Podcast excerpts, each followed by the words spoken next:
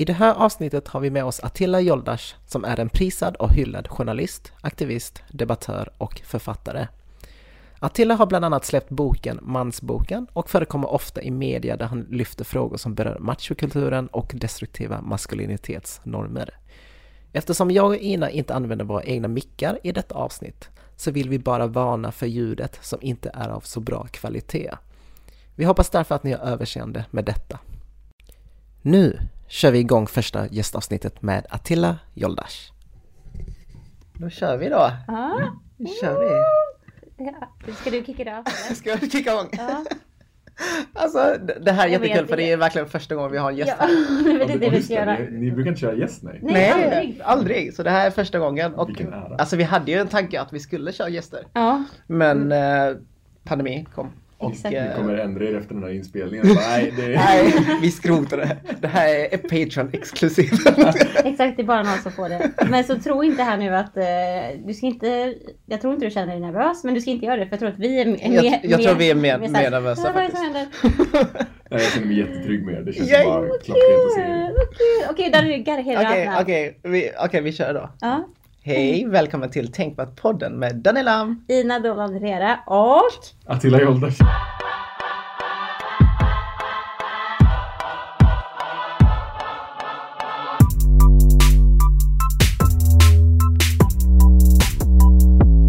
Tänkvärt.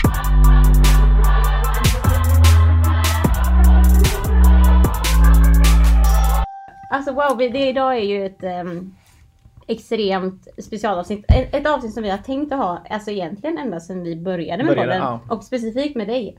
Oj, gud Verkligen. Ja. Ja. för vi har verkligen bara tänkt att vi vill ha in gäster och vi vill ha in någon som verkligen är sakkunnig i det som vi typ alltid försöker oss vi går in på snåriga ämnen som vi ofta inte kan så mycket om och så tänker vi vi måste ju prata med dem som kan och vi måste prata med dem vi tycker om som är skön och snäll och varm och då har vi dig. Och, Gud vad fint. Vilka ord. Och, vad fan, det är jag som känner att det är jag som är hos, hos experter. Så det känns...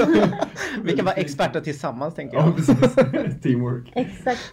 Nej men det är så kul att eh, ha med dig på avsnittet. Och eh, det som, för er som lyssnar nu, det här är ju ett, som sagt ett pilotavsnitt av den här nya synergin som vi försöker skapa där vi bjuder in gäster. Eh, och idag ska vi egentligen bara prata om dig Attila. Det är liksom bara Oj, gud. you, you, you. Nu, You nu är jag stressad. Exakt. Nu kom det. Nu kommer pinsamma frågor nu. Exakt, vi börjar direkt. Jobbiga frågor. Ja. Som, eh, ja. Var, var kommer du ifrån egentligen? Oh my god. Japp, kolla på klockan. Vi får nu. Hej då! Nej men eh, jag svarar gärna på den frågan. Oh. om, om det var en fråga. Ja, det var en fråga absolut, faktiskt. absolut. Jag är ju född och uppvuxen i Norrköping. Mhm. Eh, och dialekten kan man inte göra sig av med. Men jag är ifrån Turkiet. Eh, Istanbul i Turkiet. Där typ alla i min släkt ifrån. Mm. Okej. Yes. Har du varit där? Ja, väldigt mycket. Eh, under uppväxten så var vi ju där väldigt mycket med familjen på somrarna eh, under månader liksom. Mm. Och periodvis har i korta perioder bott där liksom och så. Eh, Mm. Släktingar som har lägenheter och allt det där. Eh, och typ, hel, eller, ja, typ hela pappas sida släkten bor i Turkiet fortfarande också. Okej. Så vi försöker åka och hälsa på så gott det går. Mm. Mhm. Eh, Hur har det gått nu under pandemin? Har ni haft möjlighet att hälsa på varandra ändå? Nej, det har vi inte gjort. Pappa har åkt ner själv eh, vid ett tillfälle när det funkade med restriktionerna. Mm. Eh, och det var ju mest för att han verkligen ville träffa sin mamma, alltså min farmor, eh, som är på ålderns höst och inte mår jättebra. Mm. Eh, och de löste det så gott det gick liksom med alla restriktioner och så. Men eh, det var flera år sedan som jag var i Turkiet sist, så jag saknar ju verkligen det också. Mm. Eh, det blir mest videosamtal med, med släkten och så. Mm, det, är nog, det, det är nog många som gör det som har liksom familjer som bor i andra länder. Där. Men jag hoppas, jag hoppas, jag har en spaning att 2022 är året och vi alla kommer att få åka och hälsa på våra släktingar igen. Ja. Jävlar vad du jinxar så. Nej, jag vet. Absolut inte. Spola fram nio månader så bara. Vad, vad fan sa du? Det var absolut inte det som hände. Jag, jag har ju turen att min, min släkt bor i Sverige. Faktiskt. Mm. Största delen av dem i alla fall. Just det. Och sen har jag vissa som bor typ i Schweiz och USA. Så för mig har det ändå funkat att Mm. liksom besöka folk eh, liksom under pandemin. Mm. Även om det inte blir alls lika mycket som förr. Eh, men jag kan tänka mig det är svårt liksom när folk bor utomlands med tanke på alla restriktioner Exakt. eh, och lagar som finns. Träffar de regelbundet de som bor i de olika länderna? Nej, verkligen inte. Utan eh, ja men i Vietnam till exempel, jag har bara varit där en gång. Ja. Och det var för att eh, min, ja men en i släkten fyllde år då. Liksom. Så då åkte Mm, hela, mm. ja men vi, vi som bor i Sverige liksom, hela släkten åkte ner dit och det var Wow. jättekul. Eh, Men det var så länge sedan, jag var typ 13 år gammal. Så jag vill verkligen tillbaka och bara liksom uppleva eh, ja, men mi- mina föräldrars och liksom min släkts kultur på, på, ett mer, på ett mer moget sätt typ, om man ska säga. För när man var liten då såg man ju bara, ja, jag vet inte, det är bara liksom maten som man eh, var ute efter. Det är jag visserligen nu också men det är så mycket annat man vill upptäcka. Kommer du ihåg känslan liksom? Ja men eh, jag tror jag minns liksom hur trevliga alla var liksom. Alltså, Folk såg på oss att vi var turister för att vi hade en brytning liksom. Och vi, vi var klädda helt annorlunda än Mm. eh, folket där liksom. Men Mm. annars så märkte jag att folk var väldigt liksom, sociala. Eh, De var väldigt glada när man eh, såg oss liksom. Mm. att, eh, ja, det är alltid kul att se ja, men, turister liksom. Så Ja. det, på så sätt var det kul. Samtidigt så var det också riktigt nice med ja, men, bara sol och mat och Mm. allt sånt där. Liksom. Mellanförskapet var påtagligt. Ja exakt, man bara, ja, men jag, alla ser ut som mig men jag känner mig jätte utanför för att folk behandlar ju oss som eh, turister. Det gick ju inte att pruta med dem för att de, de, de såg ju på oss att vi inte kunde bättre. Liksom. No. No. Det är bra. Det är så konstiga mix av privilegier och... Ja exakt, man står där och bara, vad fan händer? Så jag, jag vill tillbaka bara för att eh, nu har man ju liksom ett bättre perspektiv på saker och ting. Mm. Vad, ehm, vad, är, Attila, vad är din eh, favoritsak att göra när du är Mm. och hälsar på eh, i Istanbul eller någon annan? Oj. Eh, jag går ju direkt till maten också. Mm. Mest för att det är Mm. oundvikligt. Särskilt när man är med sin... Med, alltså min ena farbror eh, är också kock som min pappa är. Mm. Så kommer Fan, man dit så är det ju Mm. mat som inte bara serveras på bordet utan det nästan till trycks in i ens mun. man kommer inte undan liksom. Verkligen. Jättegod mat, du vet ett helt uppdukat bord med massa mezzerätter. Det finns Mm. Oh, hela tiden någonting. När det är klart så tar de fram all frukt. Det vill säga, det är hela tiden någonting där. Eh, så vi umgås ju mycket på det här sättet genom att äta tillsammans och laga mat tillsammans. Mm. Liksom. De bitarna är det jag verkligen älskar. Och att man sitter och samtalar långt in, sent på kvällen, in på natten, spelar Mm. backgammon på balkongen med chai. Det är så här, de, alla de så här mysiga familjehängen är ju Mm. det, det underbaraste. Sen är det ju alltså smakerna. Att äta de färska grönsakerna och frukterna från marknaderna runt omkring. Det, allt är närodlat, allt smakar tio Gud. gånger mer än i affären här. Liksom. Mm. Ja, men det, det är så underbart. Liksom. Mm. Att bara hänga med dem och äta gott. Men med sig är din favoriträtt, eller? Ja, alltså det är ju massa olika rätter då. Ah, okej. Eh, så det är allt ifrån sådana eh, vinblads eh, som vi kallar Ja. det liksom, till eh, pidde som det heter, olika typer av, det är nästan som en halv pirog, halv pizza. Eh, Jaha. Det Alltså, vi är så hungriga, alltså. kombination faktiskt. Jag bara, är också konstant hungrig nu. Exakt. Eh, då är det så här massa olika plockmat egentligen. Massa Ah, olika rätter som man dukar upp. Eh, bordet blir helt täckt med massa olika grejer. Mm. Eh, röror och bröd. Och, ah, men, ja, det är så jävla ja. Men, det, men det ja. känns som det är en sån gemenskap i sig, liksom att när man har såna här många små rätter och så Mm. sitter man med familjen och äter liksom att man Mm, mm. Ja jag vet inte, det, det är också så i Vietnam liksom att man har många små rätter men Mm. också i Kina liksom. Så det, det blir en gemensam grej Ja. än att alla sitter med egen skål och bara äter. Liksom. Ja, Eller jag vet precis. inte. Men det är så mysigt, det blir mer den här gemenskapskänslan. Alla plockar från alla tallrikar. Mm. Nu kanske exakt. inte är så pandemivänligt men, men innan liksom. Så alla delar med sig. Man liksom, Ja. vi, vi brukar alltid hjälpas åt, alla gör- får ansvar för någon grej. Det blir lite så här knytis fast vi gör Mm, det tillsammans. men det är det. Mm. Och att någon i släkten bara, du måste smaka på det här. Man bara, jag vill inte. Bara, Du måste. och så ger de en, man bara okej då. Och så bara, Inget val. Det är lite till. Det är Lite ett sånt eh, stående skämt, det är så här intern grej i familjen också. Om så här, eh, mormor farmor kommer och säger Ska du inte ha lite frukt? Man bara säger nej tack. Så, så artigt man bara kan. Så här, jag är jätte jättemätt men tack så jättemycket. Och bara Exakt. varsågod här. Man bara, Okej, ja, ja. Det du Man vill. sa hördes inte alls. Nej. Jag bara så här. Det var ju upp liksom. Exakt. Det var att ta, ta emot. Exakt. Men för att vända på frågan då. Eh, när du åker och hälsar på. Vad tycker du minst om att göra? Finns det någon situation som det är så här. Åh, det här är min minsta favoritsak att göra. Oj, vilken bra fråga. Ehm, jag är nog inne lite på det Danny du beskriver också. För mellanförskapet blir tydligt för mig med. Mm. Jag, jag förstår mycket bättre turkiska än jag kan snacka turkiska. Eh, Mm. Jag kan ha vardagliga konversationer. Men det blir ändå tydligt och från deras perspektiv så bryter jag. Mm. Ehm, Så det blir ändå också lite den här, det är som en glugg, det, det är som en, en liten connection som saknas där känner man. Mm. Att det blir ändå liksom annorlunda. Eh, så det är där jag, jag känner mig mer svensk i Turkiet och, och mindre svensk i Sverige liksom, Mm. jämförelse. Eh, så de bitarna kan ju bli, det blir lite glapp i samtal ibland. Mm. Eh, och det är det som är som jag tycker, det kanske inte var riktigt svar på frågan men Jo, det tycker jag verkligen. Det är en sån situation som man, man det är lite ångestladdat. Man, man, man Ja. längtar men så vet man, man är, det är också så här, man vet inte riktigt, man kan inte beräkna hur den situationen kommer att bli och man kan Mm. inte, ja.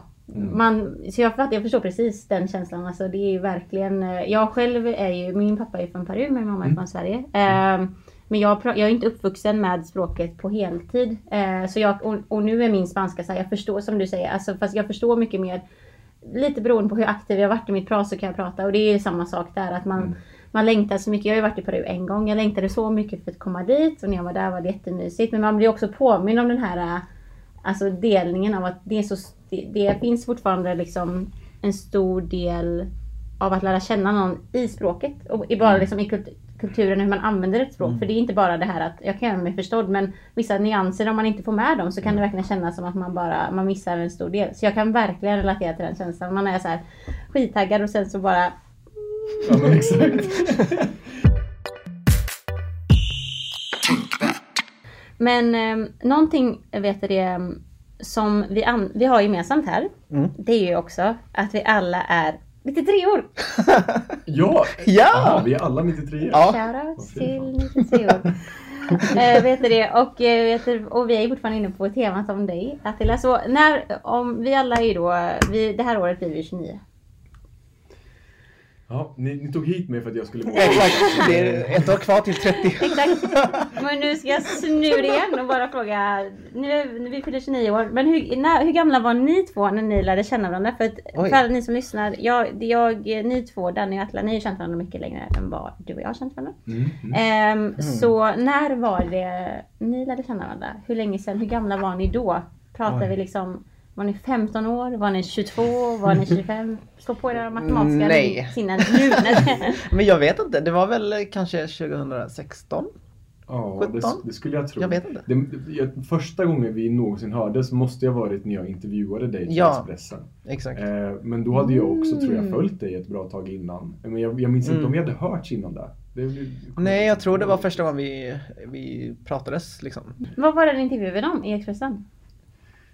Minns du jag det? försöker minnas. Det, det var ju definitivt ett initiativ som, som Danny hade tagit. Eh, och vi hördes kring det och, och vi lyfte det. Mm. Eh, men jag, gud, jag vill gå tillbaka och kolla. Det var ju, Ja, det var ju länge sedan. Det var länge sedan ja. Det var nog fem år sedan tror jag. Så om man drar en snabb googling här på eh, Expressen. Danny Lam. Skriv ner båda våras namn. Sen kommer säkert ut något. Oh no. Nu kommer vi hitta massa Twitter-hat liksom. Nu har de gått in och ändrat rubriken. Och... Exakt. Men hur, Expressen. Mm. Journalist är du. Nu ska du få fylla i här så att du inte säger Jag bara, va? Jag bara, det är du. Vad försöker du säga? Ja. Hur hamnade du på Expressen? Jag, eh, Cut that part.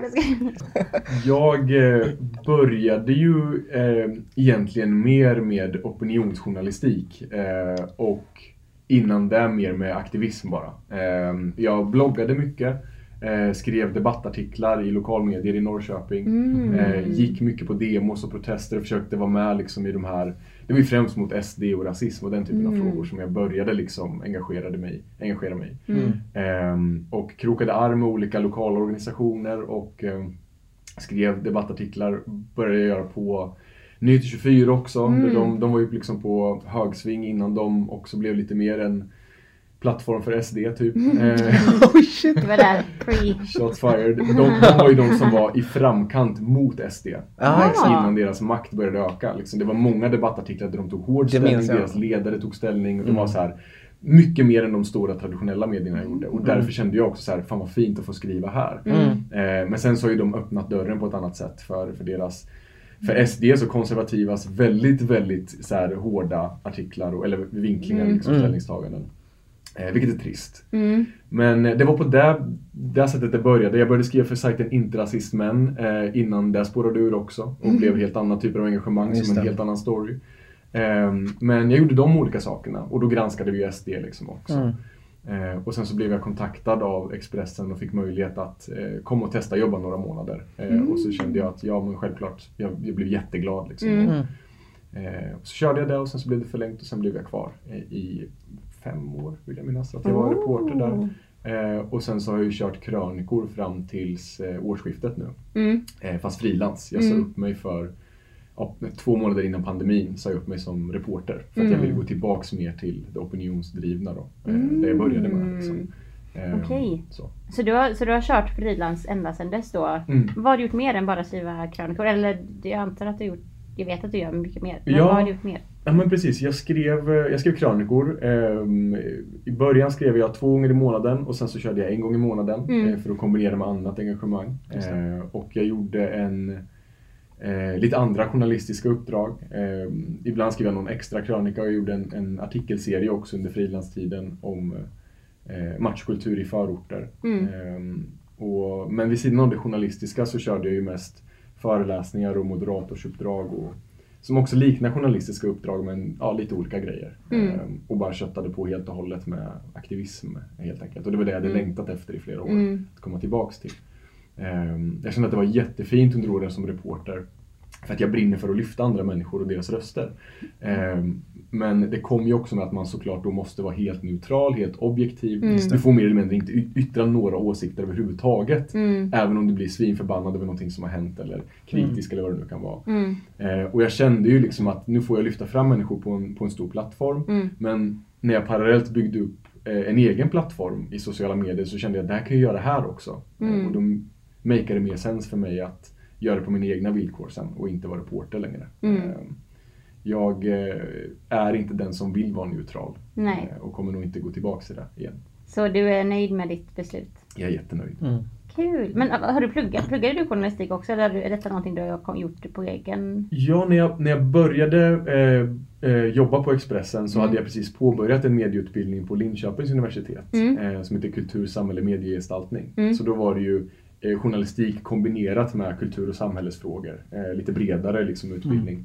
Eh, den pausade jag då när jag började jobba eh, och sen så ja, men, rann det ut i sanden så började jag Mm. jobba och, och vad ska man säga, jag, jag önskar att jag hade haft en journalistutbildning i ryggen men jag fick ju också lära mig med mentorer Mm. liksom, på, på tidningen. Eh, där vi hade ett mentorsprogram och Mm.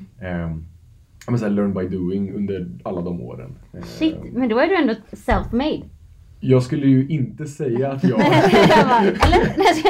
Jag skulle inte ge mig själv en... eh, När jag jobbade som reporter alltså, Mm. även under de sista åren. Mm. Jag skulle inte anförtro mig själv med så här, tunga grävuppdrag eller politisk rapportering för Mm. jag har ju inte den utbildningen med mig. Mm, Utan okej. jag, jag, jag brann ju verkligen för att lyfta eh, människors röster och jag Mm. brann för jämlikhetsfrågor. Mm. och har ju hela tiden studerat jämlikhetsfrågor eh, vid sidan av arbete och andra saker. Mm. Ehm, så det var mer där jag ville fokusera på eh, och satsa på och lyfta den typen av röster.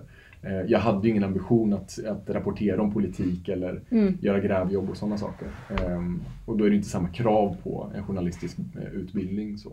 Men var det i samband med Expressen du flyttade till Stockholm eller? Ja, precis. Okej. Eh, det, var, det var det. Ehm, då fick jag beskedet och skulle börja två veckor senare så det var bara att hetsa iväg, försöka Mm. hitta någonting i andrahandskontrakt Oj, och sen eh, börja jobba. Liksom. Men hur känner du nu när du har slutat liksom eh, på Expressen? Vill du tillbaka till Norrköping eller? Jag saknar faktiskt Norrköping. Det det. Ehm, jag har, alltså det finns så mycket som händer i Stockholm som är fantastiskt och det är Mm. mycket engagemang och det finns väldigt många organisationer som jag älskar och människor som engagerar sig som jag ser upp till och lär mig ifrån. Just ja.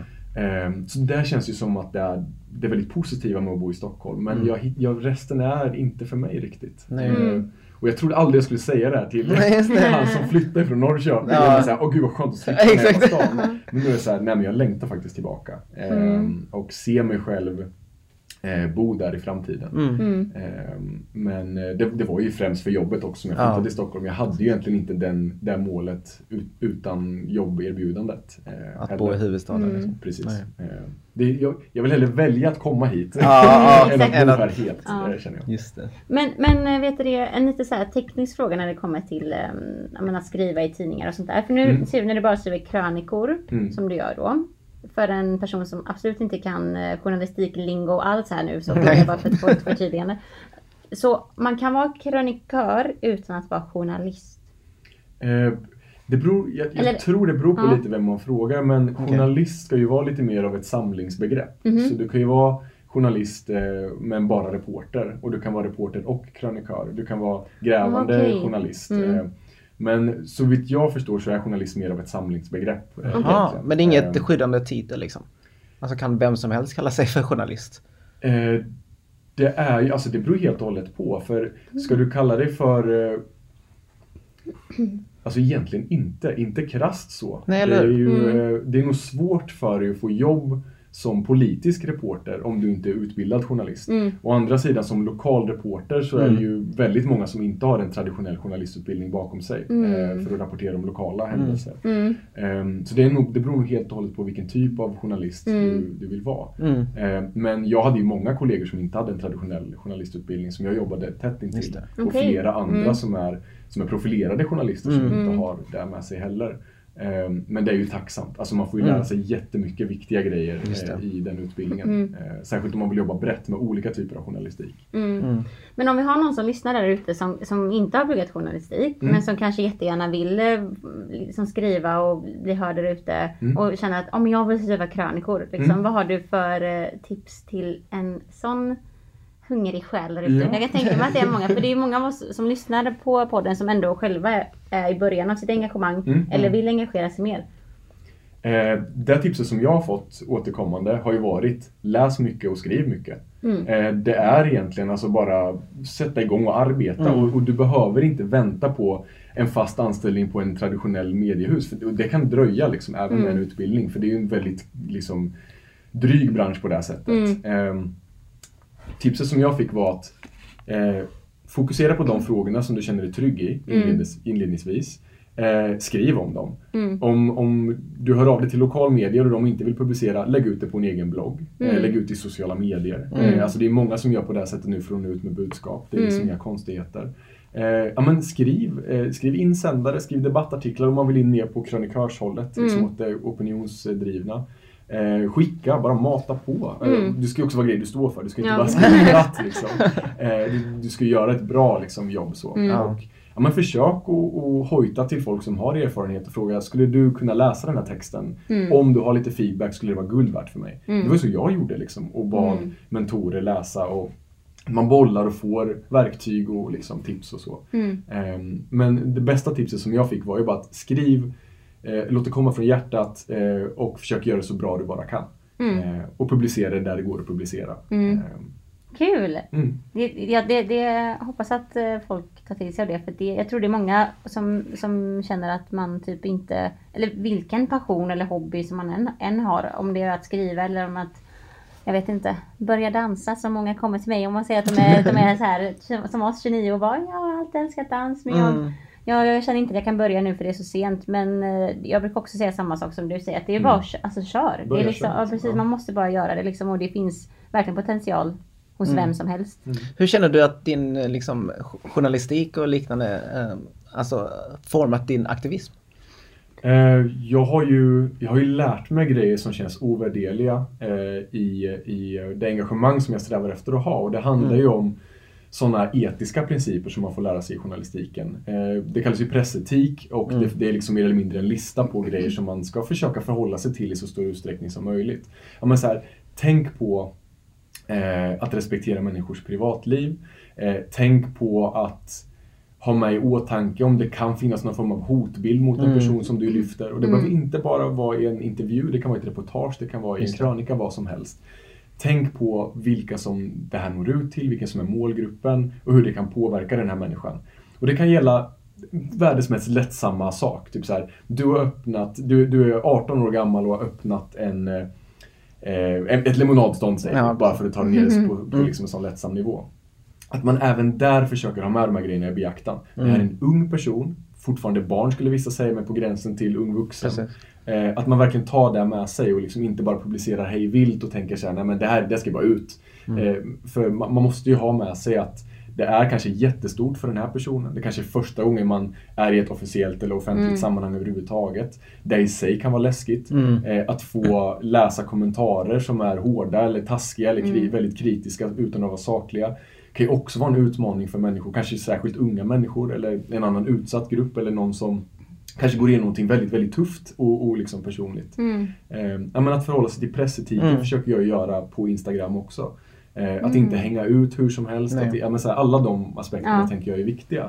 Eh, och jag tror att det finns alltså, väldigt många som engagerar sig och har stora plattformar i sociala medier tror jag har väldigt stor nytta av att gå igenom de pressetiska reglerna och Mm. försöka förhålla sig till dem. Mm. Eh, för det är bra grejer, eh, bra grund att stå på. Har det hänt någon gång att du fått ta tillbaka en artikel eller något, större inlägg liksom? Det har nog... Eh, det, det ska ju till väldigt mycket för att en artikel ska bli avpublicerad. Eh, och om man ska avpublicera en artikel så måste man komma ut med rättelse också. Okej. Mm. Det, så man kan inte bara göra sådana saker hur Nej. som helst, särskilt inte på sådana traditionella medier. Eh, de förhåller sig också till regler liksom, Mm. som man själv får förhålla sig till. Men det har ju varit många sammanhang där man har skrivit en artikel eh, och sen så har det framkommit nya uppgifter, eller uppgifter som inte gick att få reda på, som innebär att man måste gå in och eh, lägga till. Och då får man också Mm. göra rättelse och skriva i en tidigare version av den här artikeln så stod Mm. det så här, nu har det framkommit detta.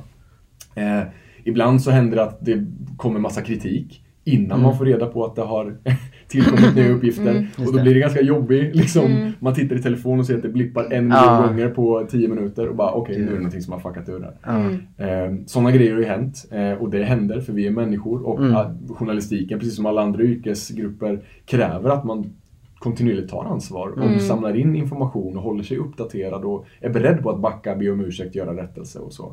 Eh, Det är också bra grejer att förhålla sig till. För Mm. Vem som helst av oss kan göra fel. Ibland kan det vara helt och hållet på grund av någonting vi har gjort, att vi har missat någonting. Men ibland på grund av andra omständigheter. Eh, Som till exempel att uppgifter inte har funnits eller tillkommer eller något nytt har hänt till exempel. Just det. Eh, Då får man bara backa tillbaka ett steg och göra om. Mm. Eh, Yes. För du driver ett eh, Instagramkonto Mm. främst, eller? Har du Facebook-sida och... Ja, det- den är kopplad till Instagram. Okej, kontot, så så den- det är så här, Ja, så- eh, lataktivism på Facebook. Vad, vad driver du för eh, grejer där liksom? Vad lyfter du för saker på ditt eh, Instagramkonto? Eh, ja, jag, jag strävar efter att eh, lyfta jämlikhetsfrågor eh, och eh, problem som uppstår och finns i samhället som är kopplade Mm. till dem.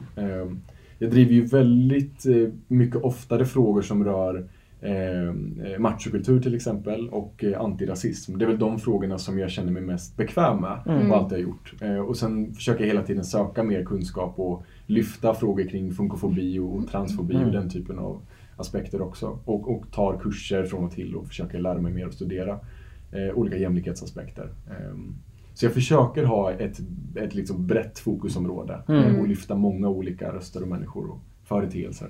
Mm. Var det någon, för du nämnde att du lyfte mycket om liksom maskulinitet och liksom machokulturen och så. Mm. Var det någon punkt i livet som du kände bara att det var här som Mm. väckte en tanke hos mig liksom att jag började liksom, Ja. ja men inte kritisera men att man börjar fundera på i de här Mm. banorna liksom. Absolut. Ja, men alltså jag, jag har ju, de, de här frågorna kring, särskilt kring rasism och machokultur har ju funnits med väldigt, väldigt länge, sedan Mm. jag var barn. Liksom. Mm. Eh, inte att jag går runt och formulerar så här, hm, hur ska jag filosofera kring maskulinitet? Utan så här, att, eh, eh, vad ska man säga, de skeva delarna av de här strukturerna. Mm. har varit påtagliga för mig. Mm. Att jag själv har drabbats av rasism och eh, mött en väldigt, och växt upp i en väldigt påtaglig machokultur. Mm. Så jag var ju tvungen att tänka på de här sakerna, eh, Mm. för de var där hela tiden i vardagen Mm. och hantera det på något sätt. Eh, jag har ju börjat sakta men säkert komma in i eller komma ur att vara en aktiv del eh, i att skratta åt sådana till exempel homofobiska skämt när jag Mm. växte Mm. upp. Trots att jag själv inte är straight och försökte Mm. liksom dölja den sidan på det här Mm. sättet.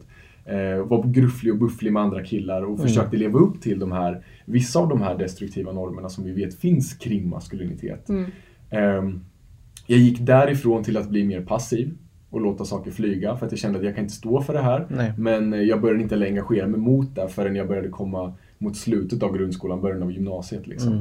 Mm. Eh, och det var en rad olika saker som ledde till det. Eh, det handlade om att jag jag, jag kände typ såhär, jag, jag orkar inte hänga med de här grabbarna längre. Det är, hur mycket jag än ansträngde mig för att försöka leva upp till de där lite mer så här, traditionellt maskulina normerna, desto tydligare blev det för mig att jag inte kommer lyckas. Fick hela tiden Mm. att jag inte är tillräckligt manlig, att jag är för feminin och allt det där. Mm. Eh, som att det skulle vara något negativt. Eh, Så jag sket i det och började hänga med mina tjejkompisar. Mm. Det här är ganska stereotyp. Del i att ta sig ur machokultur. De blev mina ofrivilliga psykologer. exakt. Det var första gången jag kunde vara trygg liksom. med de sidorna av mig själv som jag försökte dölja hela Mm, tiden. Att jag alltid har varit en askänslig kille. Mm. Och att jag fortfarande inte kan se Lejonkungen utan att tjuta som ett barn. Mm. Och, och då ska vi inte snacka om Same. Mufasa. Spoilers. Ja, men jag ansträngde mig verkligen för att dölja den sidan av mig som Mm. faktiskt kändes som jag. Eh, och det behövde jag inte göra med mina tjejkompisar. Och jag kunde finnas där för dem. Och det var ju den gemenskapen och den respekten som jag hela tiden strävade efter att få, som jag sökte efter bland killarna, men den kom Mm. aldrig. Mm. Eh, jag tänkte den kommer snart, jag måste bara bli lite, lite tuffare. Men det gick inte. Nej. Och så kom den så naturligt med mina tjejkompisar och det kändes så bra. Jag bara, men det är den här vänskapen jag alltid Ja. velat ha. Varför går inte det att ha med mina killkompisar? Mm. Men kände du ändå att du ville typ ha en killkompis för att, du vet, ibland relaterar man mer med killar liksom för att... Det kan ha varit så. Och det var ju verkligen, det var ju så skeva normer kring det också. Att hade man tjejkompisar så var det bara för att man ville ligga med dem. Det var Mm, det man det. fick höra hela Mm. tiden. Eller att man är Eller bög, för att typ. man är, exakt. Mm. Eller så är det någonting med din sexualitet. Eller Mm. så är det någon annan aspekt. Det är Mm. inte någonting hederligt bakom Nej. hela nej, tiden. nej. Det är så här, alltid något sånt där man får höra. Och det stämmer ju inte. Och man jag, gick- man, jag gick ju på de här liksom Mm. förväntningarna. Att killar ska hänga med killar, tjejer Mm. ska hänga med tjejer. Mm. Killarna är bäst, tjejerna är sämst och så Mm. vidare. Och så ska det vara helt uppdelat. Ja. Vi ska vara olika stereotyper. Ehm, det tog ju lång tid för mig att tänka att så här, men vad fan, varför måste jag förhålla mig till det här? Jag kan ju vara på ett annat sätt, bevisligen. Jag kan hänga med mina tjejkompisar istället. Det är skittrist att det inte funkar med mina killkompisar. Mm. Mm. Vi kan ha vissa aspekter av vår vänskap som är rolig, men det är så mycket som skaver, som känns fel. Eh, och det var ju därifrån jag började gå över från att aktivt vara inne i de där bitarna på ett sätt till att bli mer passiv och att sen känna nej nu får det vara nog. Nu måste, Mm. Jag måste ju, så här, jag kan inte gå runt och tänka att det här går emot mina värderingar men så gör jag ingenting. Nej, precis. Nej. Ehm, och det blev ju väldigt tydligt när min mamma berättade för mig om hennes uppväxt. Där, eh, där hennes mamma, alltså min mormor, utsattes för misshandel under väldigt, väldigt många år från sin man, från min morfar. Mm. Eh, och att han också utsatte min mamma för det här våldet. Men att mormor fick ta det grövsta av det. Eh, och hur det liksom har skadat familjen Mm. alla de sista åren under min mormors liv. Eh, där hände alltså många år innan jag föddes. Eh, men hon levde ju med PTSD Mm. eh, och liksom påverkades väldigt starkt såklart av den perioden. Eh, och mamma också. Liksom. Och Mm. I det här samtalet med mamma, här var jag typ så här 12-13 år gammal, eh, var första gången hon berättade om det här. Eh, och då hade inte jag haft någon aning. Vi, hade aldrig, vi visste inte ens om vi hade en morfar eller inte för vi pratade Nej. aldrig om det. Och familjen styrde bort det. De tyckte vi var för små. Liksom. Eh, I och med det så hade vi det här samtalet om att ta ansvar. Och mamma Mm. var ju tydlig med att, eh, att jag kommer förmodligen komma nära våld för att jag är kille. Inte för att Mm. alla gör det men för att det är vanligt. Mm. Du kommer säkert se någon bli misshandlad någon gång. Du kommer säkert kanske bli tillsammans med någon som har ett trauma som liknar Mm. det här. Liksom. Och alla de pusselbitarna som jag inte kunde på något sätt ducka. Jag kunde inte fortsätta dagen efter och tänka att jag kan vara passiv. Jag kan inte se Nej. det här våldet, jag kan inte höra sexistiska kommentarer. Eh, Det, det, det blev så påtagligt att jag var tvungen att se mig själv ur ett större perspektiv än bara jag som försöker ha kompisar, jag som Mm. försöker ha gemenskap. Det Mm. gick liksom inte. Eh, och det var viktigt att det kom för mig. Eh, det, det var som en polett som trillade ner och jag kände nu får det vara nog, nu måste jag göra någonting. Eh, så det är lite det, jag, jag försöker hedra det ansvaret och jag tänker Mm. väldigt mycket på min mormor. Vi hade aldrig det här samtalet, hon gick bort några år innan där. När jag Mm. var liksom 11-årsåldern där omkring. Eh, och jag visste inte, vi hade aldrig något samtal om det. Mm. Eh, och jag försöker hela tiden ha det i åtanke, hur illa det kan gå. Mm. Eh, och hur mycket skada det kan göra liksom. Och att det här sker varje dag. Mm. Så det blev ju verkligen en sån stort moment, så att säga, i mitt liv som jag hela tiden bär med mig. Mm. Eh, och efter det så började jag engagera mig och försöka lära mig mer och mer och, och så. Helt enkelt. Och rasismen kom ju lite på köpet där. Mm. Just det. Yes. Men jag tänker för att, att eh, för alla vi, vi pratade om det förut att vi alla är 93 år. Vi är ju Mm. snart 30. Eh, Och jag Ja. tänker att även om vi Jag ville alla... gå in på det här igen. Jag Vi- jag kommer-. Vi påminna hela tiden. Never ever soon 30.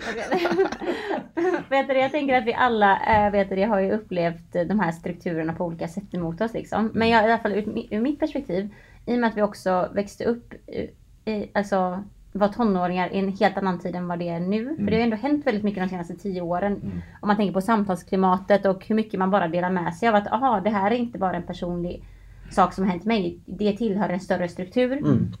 Jag menar, jag visste liksom inte vad ordet maskulinitetsnorm var förrän jag vet inte hur få år tillbaka. Mm. Så jag tänker att när du fick de här liksom, okej jag måste börja, jag, jag, jag, kan, jag måste börja engagera mig och jag vill bli intresserad.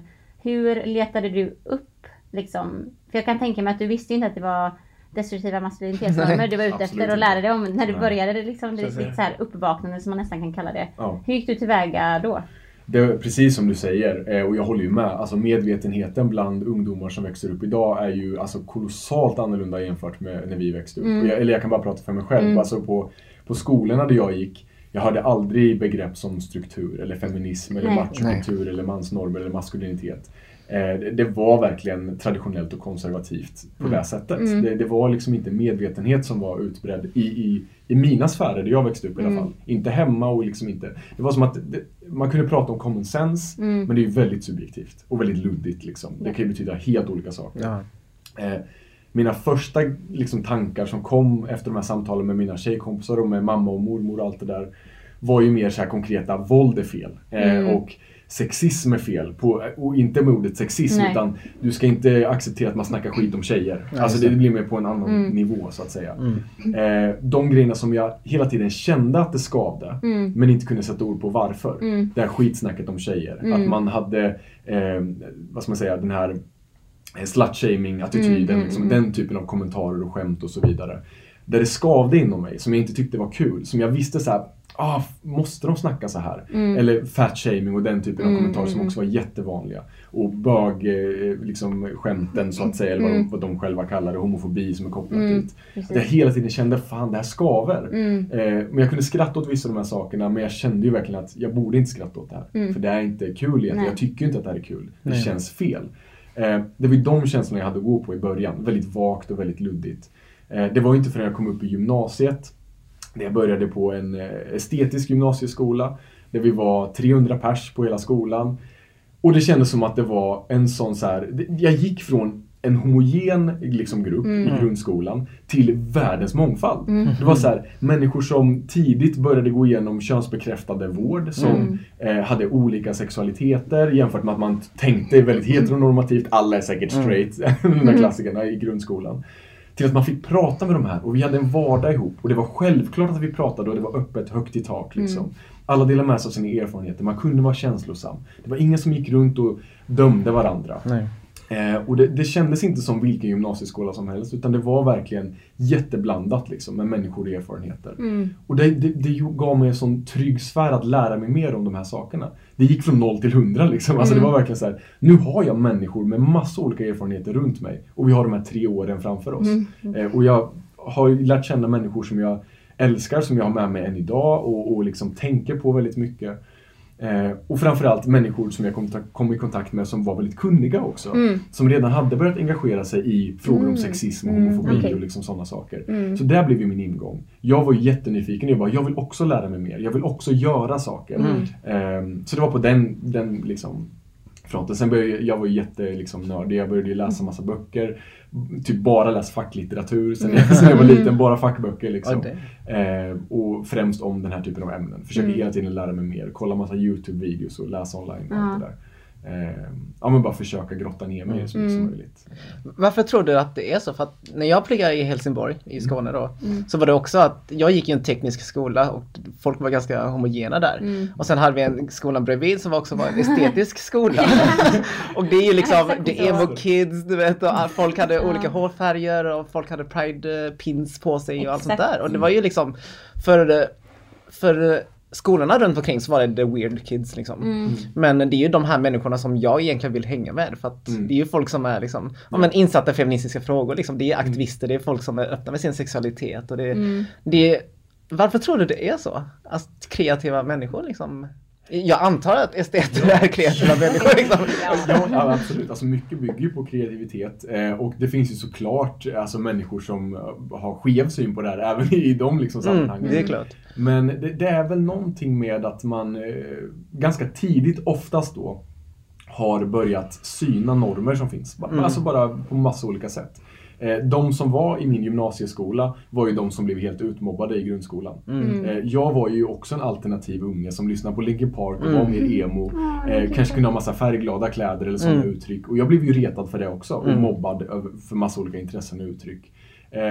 Vi som var alternativa, eller som var intresserade av saker som inte var fotboll eller hockey och de här lite mer populära, vanliga liksom, intressena, hamnade ju lite på en annan kant där. Och Eftersom att det, i, i, i alla fall i de homogena sammanhangen så är det ju oftast inte en majoritet eller en stor minoritet som är de som skiljer sig från Nej. normerna. Utan då blir man ganska ensam oftast och håller sig på sitt hörn. Men sen får man oftast någon form av sammanhang, förhoppningsvis någonstans. Kanske online, kanske i gymnasiet Mm. eller i, på jobbet sen eller vart man nu hamnar. Mm. Och man söker sig till de här grejerna man gillar och tycker om. Och då hamnar man oftast bland likasinnade, oftast. Ja. Mm. Eh, jag tror det ligger mycket i hur man förhåller sig till normerna eh, Mm. tidigt. Eh, kanske, man kanske inte ens vet, man kanske inte har Nej. hört begreppet normer men man fattar ju ändå att jag inte, jag passar inte Passar in in, nej, precis. Eh, då blir det ändå en påtaglig skillnad tänker jag. Mm. Eh, som du säger, vi, vi blev ju fortfarande i Norrköping kallas som en sån flumskola. Där alla var esteter och vi var annorlunda jämfört med Mm. bygglinjen till exempel. Mm. Eh, det var ju väldigt tydligt att de traditionella gymnasielinjerna, då var det fortfarande, verkar det som, lite homogent fortfarande. Det Mm. påminde mer om grundskolan än vad vårt gymnasium gjorde. Liksom. Mm. Fan, det, är, det är intressant tycker jag. Ja. Just det här med grupperingar. Och jag Exakt. kan tänka mig i USA är det väldigt tydligt med just det här, the jocks. Mm, det, exakt. Ja, the weird kids. Det, Det Ja. är som en karikatyr nästan. Nej men det blir Ja. nästan så. Men det är så, lite så i Sverige liksom när man Mm. bara kollar överlag. Mm. Absolut. Jag minns eh, 2019 precis innan pandemin. Då, då hängde vi mycket på bokmässan. Mm. För att vi båda släppte ju en bok. Ja. Alltså, det var så kul för att det, var, det kändes som att vi båda släppte dem tillsammans liksom. För Ja, att ja. Det var ju ändå debut för båda. Mm. Eh, vill du berätta lite mer om den boken du släppte? Ja, eh, jag skrev en bok som heter Mansboken. Mm. Eh, och det var ju liksom... Det kändes, så, det kändes så givande att skriva den, för det var som att det var ju första gången jag verkligen fick sammanfatta så mycket jag bara kunde. Och Mm. göra det lättillgängligt naturligtvis. Men det jag kunde var både personlig och dela med mig av mina erfarenheter av att växa upp i en väldigt tydlig machokultur. Men också just göra intervjuer, ta in fakta, kolla på studier. Eh, intervjua människor som jag vill lyfta fram som förebilder och forskare och experter och så. Mm. Eh, göra listor så att, det finns, så att det är lättillgängligt för ungdomar att ta till sig av. Spalta upp allt ifrån pubertet till liksom, eh, normer kring våld, kring eh, heterosexualitet och alla de där grejerna. Eh, jag hade ju tidigare skrivit krönikor och blogginlägg och debattartiklar. det. Det. var liksom fragment av machokultur Mm. som jag använde som ett liksom, samlingsbegrepp för destruktiva mansnormer. Mm. Inte alla mansnormer, utan de destruktiva. Ehm, så det blev ett projekt där jag verkligen fick koka ner så mycket jag kunde och försöka göra någonting användbart av det. Mm. Så det blir som en form av så här, handbok eller inspirationsbok eller vad man nu vill beskriva det som. Att det förhoppningsvis finns någon grej man kan plocka som, som kille, som man eller som icke-binär, som tjej, kvinna oavsett Mm. vem man är och identitetsmässigt. Eh, så växer vi ju oftast upp med de här normerna på ett eller annat sätt runt omkring oss. Om vi inte har växt upp med dem så kommer vi möta dem i vuxenlivet. Mm. Det, är, det är oundvikligt för att de är så rotade. Det var typ MUCF tror jag som skrev en rapport för några år sedan som konstaterade att 9 av 10 av alla ungdomar eh, upplever en stark press på hur jag borde vara på grund av min könsidentitet. Mm. Just det. 9 av 10, det är ju nästan uteslutande majoriteten. Ja. Mm. Då känner man ändå att de här förväntningarna finns där på ett eller annat sätt. Mm. In, inte om hur mycket jag förhåller mig till dem, men jag vet att de finns där. Mm. Och jag känner ändå någon form av förväntan. Mm. Eller förväntningar. Så det kändes meningsfullt, dels att jag själv fick gå in i mig själv och försöka minnas alla de här upplevelserna som jag hade. Försöka vara så ärlig med mig själv jag bara kan vara och transparent och, och, och rannsaka mig själv i det. Eh, samtidigt som jag försöker göra det med dem jag intervjuar och, och röster jag lyfter fram och studier liksom där det representeras hur det skadar samhället med machokultur och andra människor. Jag kan tänka mig att många som lyssnar på våran podd redan Mm. följer det liksom. Och man får ju se, man får se liksom eh, men fragment av detta på din Instagram. Men det är så kul när man får höra din eh, personliga berättelse om det. För att det är verkligen, jag tror det ligger så mycket eh, av den personliga erfarenheten som påverkar varför vi alla jobbar som vi gör. Ja. Och det är så kul att höra om. Vi vet ju att du har en annan sak gemensamt. Jag vet allt om dig. Som du har med Danny. Eh, ju. Ja, vi båda är ju ambassadör för Mind. Yes, Eh, just det. Jag- Jag blir lika nervös nu varje gång du Det var vad kommer jag säga. Grej. Är det för att vi är 29 år? Exakt. Jag tittar på den och bara, vad fan har vi gjort? Det var ni två. Cancelled.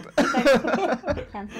Nej, nej men, eh, nej men det är just det här med psykisk ohälsa. Jag tänker att Ja. det går också mycket hand i hand med eh, liksom, eh, olika diskriminerings eh, ja, men grunder men också just med maskulinitet och sånt. Mm. Eh, För att jag vet ju själv att man har ju de här tankarna sen man var liten att man vill Mm. passa in och allt sånt där. Mm. Eh, hur, hur kommer det sig att eh, du vill engagera dig mer just kring psykisk eh, ja, men, hälsa? Och, Ja. och vad är Mind? Vi kanske kan gå igenom det för jag tror att vi har ju pratat om det några gånger men Ja. vi kan Mm. ta det också. Absolut. Det är, om jag, jag vill minnas det rätt att de är ju eh, den äldsta liksom, organisationen i Sverige som började fokusera på just självmordsprevention på det Mm, sättet som okej. de gör. Eh, de står ju för bland annat självmordslinjen som man kan ringa till eh, Okej. om man behöver. Eh, och en chatt där till där man också kan höras med deras volontärer som finns där som stöd. De är liksom också ett väldigt viktigt organ i Sverige Mm. för människor som som är på botten, som är deprimerade, som mår så pass dåligt eller har självmordstankar Mm. så man kan vända sig till dem. Samtidigt som Mind också jobbar väldigt mycket med opinionsbildning kring den här typen av frågor. Mm. Kring suicidprevention och liksom den typen av inriktningar. Och jag tycker de gör det på ett väldigt, väldigt bra sätt. Mm. Eh, och de, de tar ställning, de är väldigt kunniga. Mm. De, de når ju också ut på, eh, som en väldigt tung organisation liksom, i de här frågorna. Eh, när de tar ställning. Så det kändes jättefint att få ja, men försöka hitta sätt som jag också kan dra mitt strå till, till stacken. Men pratar de specifikt om psykisk ohälsa i relation till män eller destruktiva maskulinitetsnormer som du jobbar med? Eller eh, pratar de mer så här generellt eller, eller typ minoritetsstress eller? Ja, eh, de, de har ju fokuserat på liksom olika Mm. liksom, Mm. eh, aspekter av psykisk hälsa och hur Mm. olika människor drabbas och så. Mm. Men det är lite så som jag har pratat med dem om vårt kommande Mm. samarbete, att, att, att jag kommer prata mer om de frågorna Mm. kopplat till psykisk ohälsa och självmordsprevention med dem till exempel. Mm. Och Mm. vi, vi kommer säkert göra grejer ihop kan jag tänka mig. Mm. Mm. Jag kommer ju tjata på att vi borde göra det. Ja, det är bra. Ehm, Så så det, det, det finns ju en strävan hos dem också Ja. att nå ut mer kan jag tänka Precis. mig. Mm. eh, Till, till Brett, fler liksom. grupper och brett. Och Mm. minoritetsstress är en sån fråga som, som pratas om alldeles för lite. Mm. Alltså både på, i, på medial nivå men i andra sammanhang också. Ja. Eh, det, det känns inte som att det prioriteras på samma sätt. Eller ens accept, nu, nu spekulerar jag bara. Mm. Eller ens accepteras i samma utsträckning Nej. som annan form av psykisk ohälsa. Nej, precis. Men det är ju också väldigt tydligt och väldigt beforskat. Och, Ja. och utanför Sverige också för den delen. Liksom, sen, sen tidigare. Eh, Så det är väldigt viktigt. Mm. Ehm, Men jag kan tänka mig också en ren spekulation nu att ha med vet du, personer som är som ambassadörer. Det finns ju säkerligen ett intresse att det här ska tas upp. I och med att Mm. ni Mm. bägge vet du, pratar så mycket om det här med psykisk ohälsa i relation till män och minoritetsstress och sånt där. Mm. mm. Ja men ehm, så vet du det. mm, det. Man blir liksom, när man får chans att sitta och reflektera så här som vi ändå gör nu i det här samtalet om liksom allt det arbete som görs så blir man ju ändå väldigt liksom, glad för de initiativen som finns. Mm. Speciellt här i Sverige. Liksom. För man, jag, jag tänker bara hela tiden att Gud vad jag liksom hade velat höra så mycket av de här grejerna när jag, var, när jag växte upp eller var yngre. Liksom var, för vi vet ju också om att vi har en ganska en yngre målgrupp som lyssnar på oss. Mm. Ehm, så att Mind är ju verkligen en sån ett plattform som är så himla viktig. Mm. Och så nice att de har er två. Ja. Tack Ina. Ja, men det, är, det är så bra att veta att de också finns där. Eh, På Mm. samma sätt att man kan vända sig till kurator eller Ja. till liksom. Eh, vårdcentral eller genom så här videosamtal med, med läkare och, och så vidare. Det, det finns ju flera olika sätt att nå fram till och de Mm. finns ju där som medmänniskor som är Mm. volontärer som, som vill hjälpa. Liksom. Mm. Eh, och de kan man ju ringa och vara helt anonym. Du kan chatta med dem och vara Okej. helt anonym. Ja. Eh, vilket jag tycker är klockrent för det Mm. sänker ju tröskeln också så man ska känna sig trygg att, att sträcka ut den handen Mm. för det kan kännas skitjobbigt. Mm. Eh, det, jag har ju en väldigt liksom, personlig koppling till de här frågorna också i och med Mm. att jag själv har brottats med ångest så länge jag kan minnas. Och. Det har ställt till det för mig och liksom sänkt min självkänsla på väldigt många sätt och att jag har väldigt lätt för att bli självkritisk och fastna i de där ångestspiralerna. Mm. Eh, och jag vet ju hur, hur tungt det kan vara att bära på det där i tystnad framförallt. Alltså jag var ju den killen som där, på tal om stereotypa maskulinitetsnormer, bet ihop väldigt länge. Mm. Och tänkte, ja, men jag ska lösa det, jag, vill inte vara en börda, jag ska inte sträcka ut en hand. Mm. Alla de här väldigt Ja. destruktiva sätten att hantera det på. Tills jag till slut sträckte ut den där handen och började få ordentligt med hjälp. Mm. Började förstå mig själv. Ja. Började förstå att det här är ingenting man kan bita ihop om. Nej. Man behöver ta hjälp om man mår så. Liksom. Mm. Och, och särskilt om man mår ännu sämre. Mm. Liksom. Ehm, de bit- bitarna är väldigt viktiga för mig och jag har ju liksom människor i mitt liv som har gått bort i suicid och m- människor som jag älskar som har förlorat sina anhöriga i, i självmord. Mm. Vi vet att det är fler som dör, i, alltså flerfaldigt fler som dör i självmord än i trafikolyckor i Sverige. Ja, Det är liksom det- en- den ledande dödsorsaken i flera åldersgrupper i, i vårt land. Det är ett enormt samhällsproblem. Mm. Men vi, vi pratar ju, det är viktigt att vi gör förebyggande åtgärder i trafiken, det är inte Mm. det jag säger, men vi pratar ju inte i närheten av det lika mycket eh, som trafikförebyggande liksom, Mm. eh, insatser, eller Mm. att man satsar resurser på den typen av frågor. Nu har det Mm. börjat komma upp mer på tapeten, Mm. men det behövs ju så mycket mer. Det, Mm. det, det här är ju ett enormt problem i samhället. Alltså just det här med näthat och liknande. Har du blivit utsatt för mycket för sånt? Ja, jag skulle säga, snarare att jag är ganska skonad. Okej. Eh, särskilt eftersom jag eh, hänger ju mest på Instagram. Mm. Och jag tänker att den plattformen är ganska tacksam för den här typen av budskap. Det, det finns redan väldigt många med stora plattformar som fokuserar på den här typen av ämnen. Mm. Till skillnad från Twitter där det känns som att det är helt tvärtom. Ja. Där Mm. det, liksom, det, det blir ju nästan bara motarbetad känns det som. Eh, så det är väl lite också vart jag hänger. För när jag delar texter som jag skrivit på Instagram, exakt samma copy-paste på Twitter, Ja. då kommer det ju, alltså det, det slår aldrig fel. Då kommer det ju rasism, det kommer grov det. rasism, det, kom, det har kommit mm. hot, det har kommit att man blandar in min familj. Mm. Eh, samma sak när jag skriver på, på Expressen som plattform som når ut brett på ett helt annat sätt än vad jag gör. Jag Mm. når ju kanske mer av en nischad målgrupp Mm. på Instagram naturligtvis. Expressen har ju en jättestor målgrupp, Mm. väldigt blandad målgrupp. Eh, där kommer det också in på, på mailinkorgen efter att jag skrivit krönikor kring den här typen av ämnen. På rasism och hot och hatspåret. Liksom. Mm. Så det har ju varit väldigt tydligt att absolut inte lika mycket på Instagram. Liksom. Nej. Eh, särskilt inte när vi snackar om den osakliga typen av påhopp och personangrepp och allt det där. De som kritiserar dig är främst män, eller? Ja, absolut. Ja. Eh, så är det.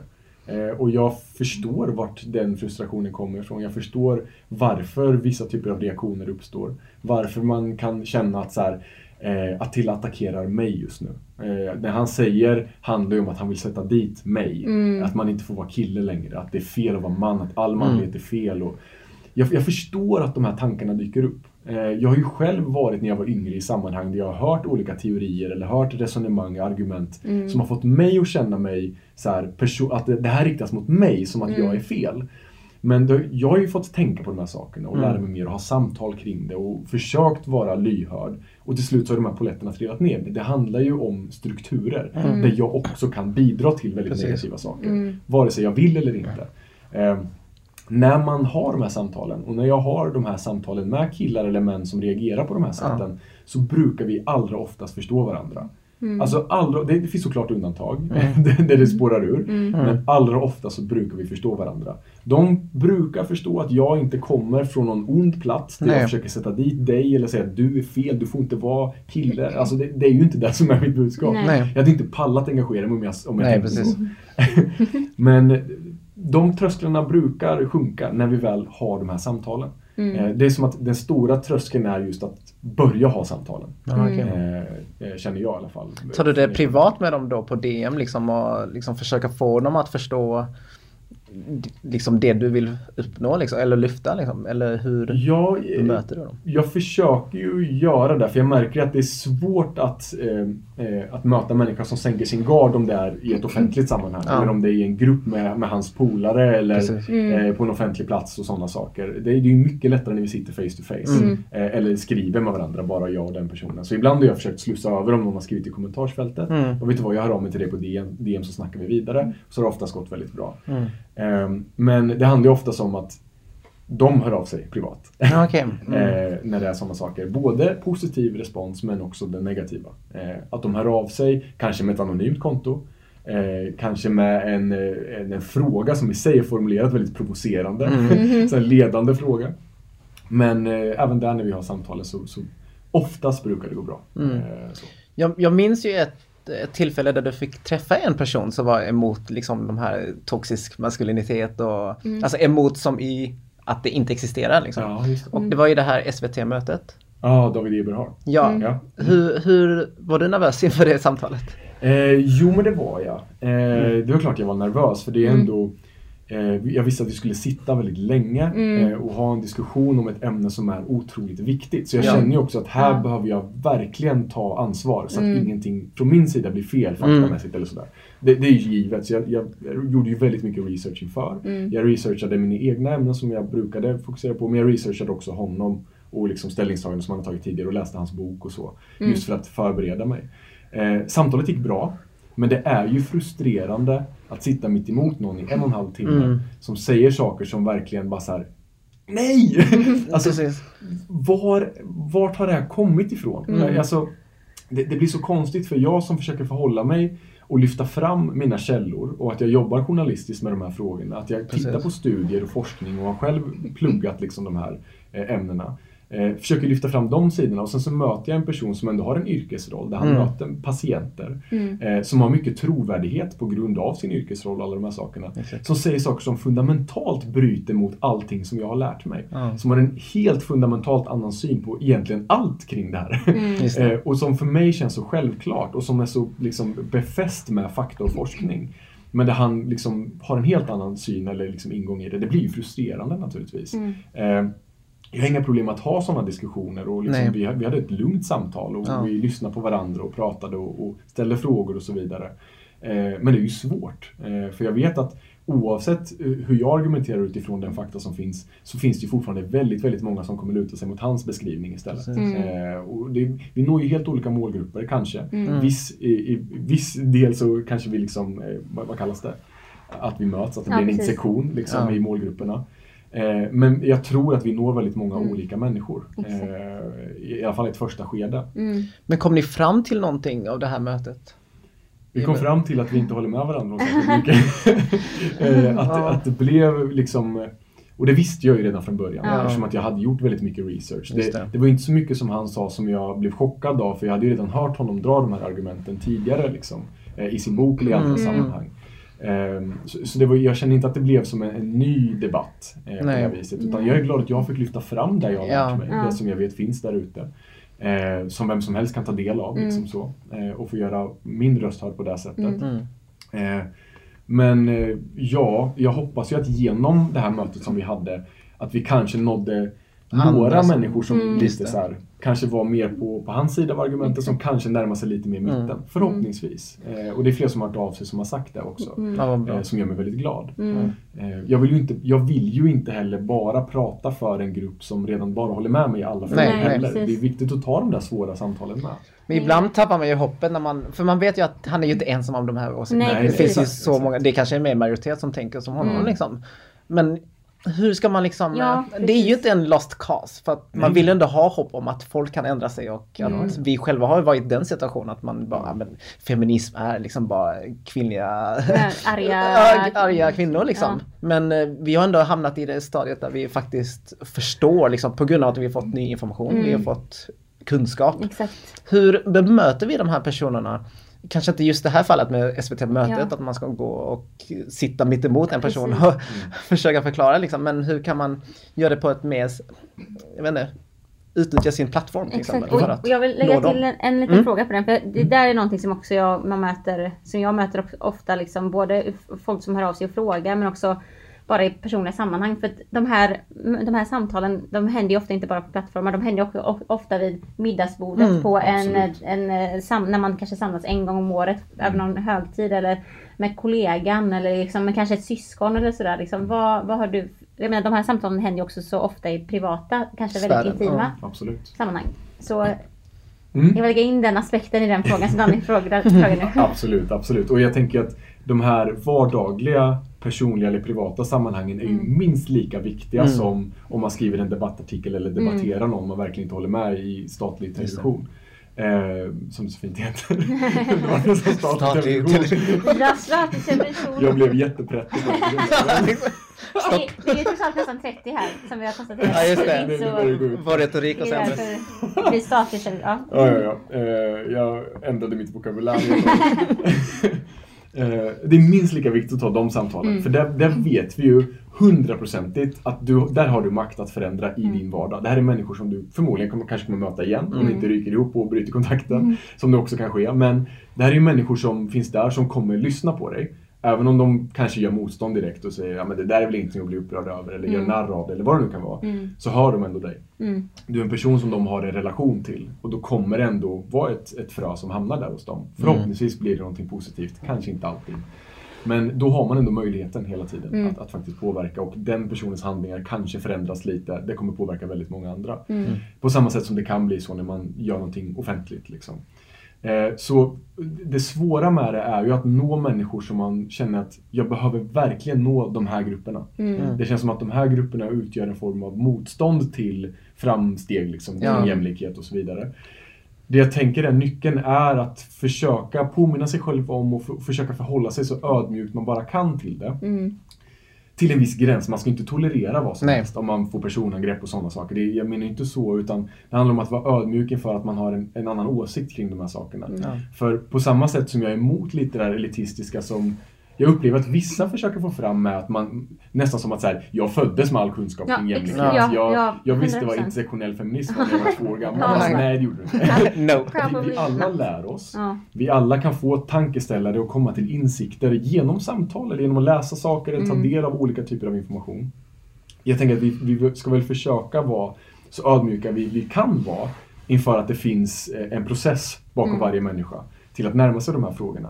Så ju mer man liksom sänker ribborna, sänker förväntningarna framförallt Mm. kanske på ett samtal med en annan person eh, och, och liksom har den inställningen när man möter Mm. människor som man känner står på helt andra sidan av argumentet. Eh, desto större är sannolikheten tror jag att man kommer mötas någonstans. Eh, och kanske får den personen att närma sig eh, ens egen syn på saken. Mm. Eh, det, det är väl typ det enda jag försöker förhålla mig till. Mm. Det funkar inte alltid heller. Nej. Nej. Det kan bli att den personen blir ännu mer provocerad av det. Ja. Eh, och, och liksom verkligen nästan, det känns som att du vill ha en reaktion av mig. Ja. Du försöker trycka på mig tills jag ska liksom bli arg eller Mm. någonting. Eh, men men det, det vill jag ju inte heller. Och, Nej. och jag tror inte heller att det är en metod som funkar överhuvudtaget. Mm. Jag tror att, det, att, att skälla ut någon eller på det här sättet gå hårt på och bara säga hur fan kan du inte veta det här? Nej. Det kommer bara få den personen att backa mer. Distansera mig. I bästa fall står den kvar i sina starka åsikter. Men Mm. förmodligen kommer den backa ännu mer ifrån, Precis. från dig och din syn på det. Mm. Den kommer associera din syn på det med ditt beteende. Att Mm. du är arg, skäller ut, nedlåtande, personangrepp tillbaka. Mm. Ja, men så här, det, det blir inte bra av det där. Nej. Nej. Jag förstår också min, alltså den här sidan som, som blir frustrerad. Mm. Varför beskriver du kvinnor på det här sättet? Varför ser du på homosexualitet så som Mm. du ser det? Och alla de här grejerna. Det är klart man blir frustrerad. Ja. För man önskar att man bara kunde säga vet du vad, nu ska du tänka så här för Mm. det är mycket mer inkluderande. Du mår bättre av det här, jag mår bättre, alla andra mår bättre. Ja. Och så är det klart, men det funkar inte så. Nej. Eh, Utan man måste ha ett samtal som är man får väl sträva efter att, att själv vara den personen som är så respektfull som möjligt Mm. liksom, i det här samtalet ändå. Mm. Även om den personen säger jätteprovocerande saker. Eh, liksom. Mm. Jag tänker att anledningen till att många reagerar på Alltså att många män reagerar på dina inlägg och sånt kan jag tänka mig är för att folk tar det personligt. Mm. Att när du pratar om maskulinitet eller Ja. giftig maskulinitet som är en väldig skillnad. Mm. Är att de tycker att du trycker ner liksom deras, eh, jag vet inte, Mm. eh, deras Mm, maskulinitet. Så det jag tänker, eller min fråga till dig är Hur skulle du vilja omdefiniera liksom maskulinitet? Mm. Oh. Men det, det är jättesvår fråga för att jag Mm. själv vet inte heller Nej. om det. För att vad Mm. är egentligen maskulinitet? Mm. Det, är ju, det är ju social konstruktion Mm. såklart. Precis. Men eh, finns det något positivt med maskulinitet? Mm. Det, jag tycker det är en jätte, jättebra fråga och det här är typ en klockren ingång i de här samtalen. Mm. Så, så att man vet precis vad, vad man har för liksom ingång i det här. Så att man inte har några fördomar eller liksom förutfattade Mm. meningar om vad man ska snacka Nej. om. Jag, jag fastnade för, jag brukade också beskriva det som att vi ska omdefiniera manlighet, Mm. redefine liksom och, och så. Men jag reagerade på eh, Justin Baldoni Mm. eh, är ju också ganska engagerad i de här frågorna. Just det. Och han är ju eh, liksom, eh, i USA och skådis och liksom jättekänd där borta. Ja. Mm. Men också på senare år börjat prata väldigt mycket om maskulinitet och driver också en podd som heter Man Enough eh, Mm. om de här frågorna som jag tycker är klockren. Mm. Han och hans liksom, eh, vänner och kollegor som han jobbar med i den podden beskriver det som undefy masculinity istället Okej. för redefine. Alltså att man ska avdefiniera maskulinitet Ja. för att gå ner till scratch. Mm. Eh, istället för att säga eh, den här om. maskuliniteten är fel, här har du den rätta maskuliniteten. Mm. Eh, så att Just det inte det. blir så här, vi byter ut en, ja. en Mm. roll mot en, en ny roll och det är det här du ska förhålla dig till. Ja, då För blir det är inte det jag vill heller. Nej. Jag vill inte gå till en kille och säga du är fel maskulinitet, här har du det nya. Ja, precis. Utan vi ska undefine Så att vi kan då göra upp med både sådana normer som kan vara positiva, men framförallt de som är negativa. Ja. Vi tar bort, du ska inte ha närhet till våld. Du ska inte känna att du ska använda våld i en situation som inte är nödvärn. Det är det enda sammanhanget där det är okej. Så det är det enda som är lagligt. Eh, vi tar bort sexism, vi tar bort homofobi, vi tar bort eh, obligatorisk heterosexualitet. Eh, vi tar bort bit ihop om dina känslor, vi tar bort alla de där grejerna. Vi definierar bort det. Eh, samtidigt så definierar vi också bort de här idéerna om att du ska vara eh, lojal, som kan vara en positiv grej som vissa beskriver som en mansnorm, behöver inte vara det. Eh, att du ska finnas där för din familj, som kan beskrivas på olika sätt vad det innebär. Men det är en sån grej som kan definieras. Vi kan undefy det också. Ehm, vad kan det finnas med? Att du ska vara självsäker. Det kan ju antingen bli någonting väldigt positivt eller också väldigt destruktivt. Att din självsäkerhet går överstyr och du tänker jag har rätt till saker Ja, för att jag är ju bäst och allt det där. Vi tar bort allting och sen börjar vi om från scratch. Så kan du plocka på dig, det kan ju vara grejer som tidigare beskrevs som manlighetsnormer, som lojal, eh, att du ska eh, vara självsäker. Men vi ska ju inte packa på de här grejerna om våld och sexism och allt det där Nej. får du bygga upp vad du vill. Ta allt du minns från det positiva, plocka från eh, normer vi lär eh, tjejer eh, liksom, kring femininitet som är positiva, som är allmängiltigt mänskliga och empatiska. Plocka av dem. Alltså bygg upp din identitet utifrån en mall som är du som väljer. Inte ifrån en färdig mall som Nej, som samhället, samhället säger så här ska en kille vara, eller så här ska en tjej vara och så vidare. Det blir väldigt binärt för en människa, som var och en av oss är, som är mycket mer komplext än att vi kan följa ett facit för vår identitet. Det, det går liksom inte. Nej. Vi tre är helt olika individer. Vi har massa saker gemensamt. Vi har förmodligen mycket, mycket mer saker gemensamt än vad vi har inte gemensamt. Men vi är fortfarande fundamentalt olika eh, i intressen och tankar, hur vi reagerar på saker och allt det där. Då passar vi inte in i en sån förenklad Nej. roll. Det går inte. Liksom. Eh, vi kan inte förvänta oss det av människor. Det blir konsekvenser. Personligt och människor runt omkring.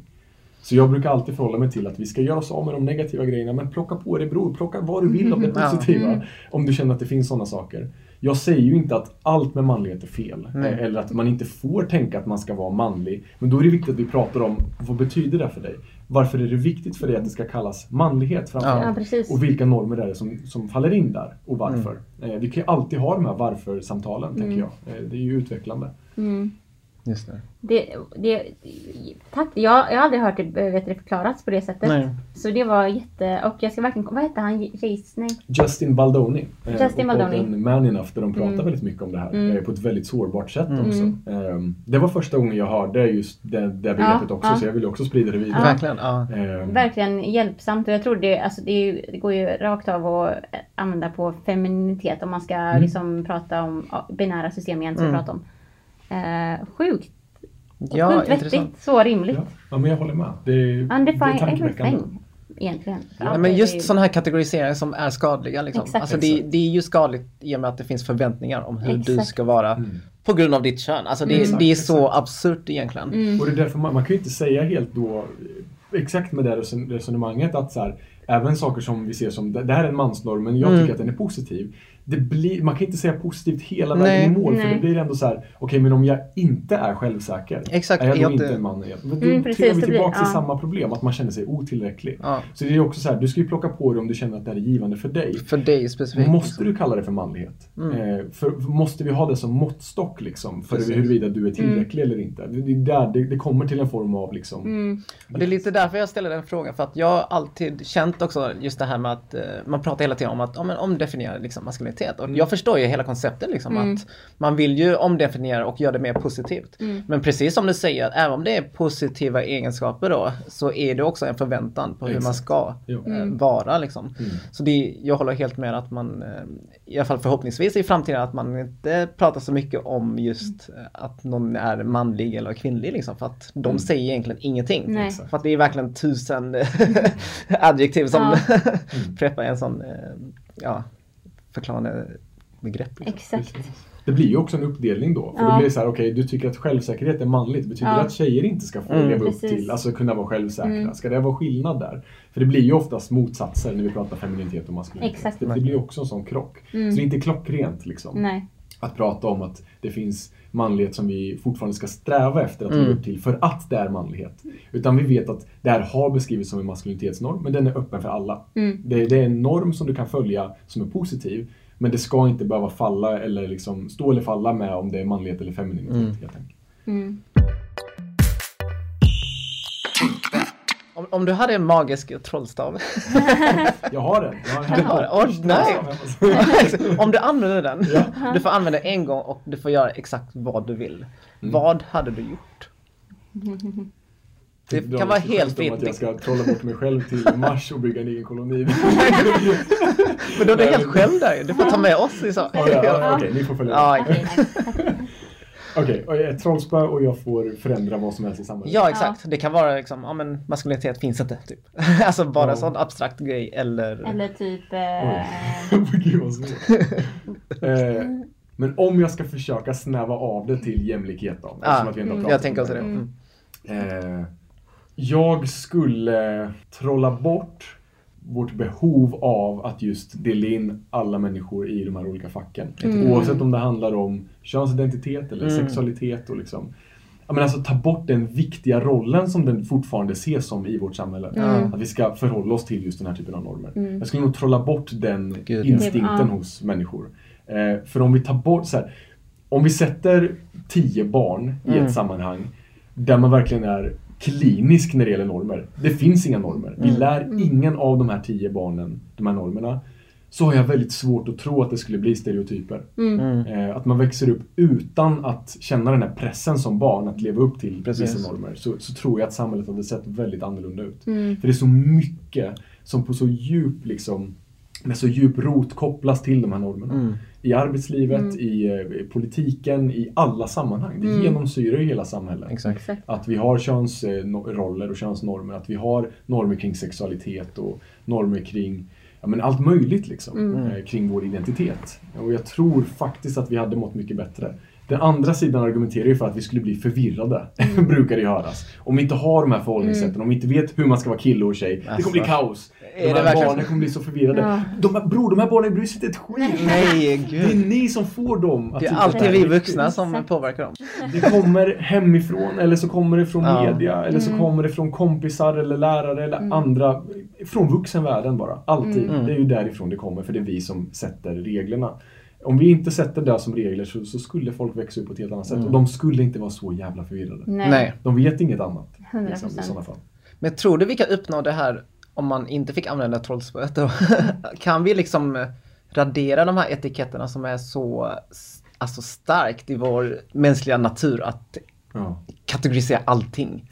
Det är jätte, jättesvårt att svara på. Ja. För jag kan ju vara jätteoptimistisk och tänka att någon gång down the line, genom generationer framåt, Ja. så kanske vi är nära de där 100 procenten, att vi inte dömer varandra på det Mm. viset. Men jag kan ju inte realistiskt känna att det är inom någon snar framtid Nej. överhuvudtaget. Alltså långt därifrån. Vi har fortfarande jätteproblem med den här typen av normer och hur det påverkar Mm. vårt samhälle. Det, det, det genomsyrar som sagt fortfarande samhället på väldigt många negativa sätt. Så det, det ser inte ut som att det är på väg bort i Nej. de, den snara liksom, framtiden. Nej. Utan att det är någonting som bubblar. Medvetenheten ökar. Det sker förändringar både i, i politik med lagar men också i, i liksom, normer och i sådana sammanhang i samhället. Ehm, Men vill vi ta bort all, alla kategoriseringar då? Alltså jag tänker att de kategoriseringar vi pratar om är ju skadliga just för att när vi delar in oss Mm. i alltså kvinnor och män Mm. så Mm. blir det förväntningar om hur kvinnor ska vara och män ska vara. Liksom. Men man kan väl också kategorisera i form av, ja men vi som är brunhåriga typ. mm. Alltså vi som, Mm. alltså det, det, det säger ju inget annat förutom Mm. fakta. Alltså, förstår du? Så jag vet, inte, jag vet inte vad min fråga är egentligen men att eh, behöver det vara negativt liksom? Att Mm. dela in folk i... Det finns ju, alltså den, den positiva eller nödvändiga aspekten av det är ju att vi behöver kategorier för att kunna mäta och Mm. se Mm. ojämställdhet och ojämlikhet. Så det är, det är lite tudelat liksom, Mm. så som det ser ut nu. Mm. Vi behöver ju kunna titta på kategorier för att Mm. kunna se förtryck. Vi behöver kunna Exakt. se liksom hur olika folkgrupper utsätts i en hierarki för Mm. rasism till exempel. Mm. Och då måste vi ha kategorier som vi Mm. förhåller oss till och tittar på. Det handlar ju inte om att alla ska bli homogena i identitet, sexualitet och allt det där. Nej. Utan att vi kommer alltid vara olika. Men vad vi gör med den här olikheten, hur vi liksom värderar den, det är det som är problemet. Eh, Att vi forskar på det här och tittar på statistik, hur ser det ut? Här ser vi att det finns gemensamma nämnare. Här Mm. har vi någonting vi faktiskt kan jobba med, någonting Mm. konkret vi kan se på och tänka, här kan vi göra de här åtgärderna. Mm.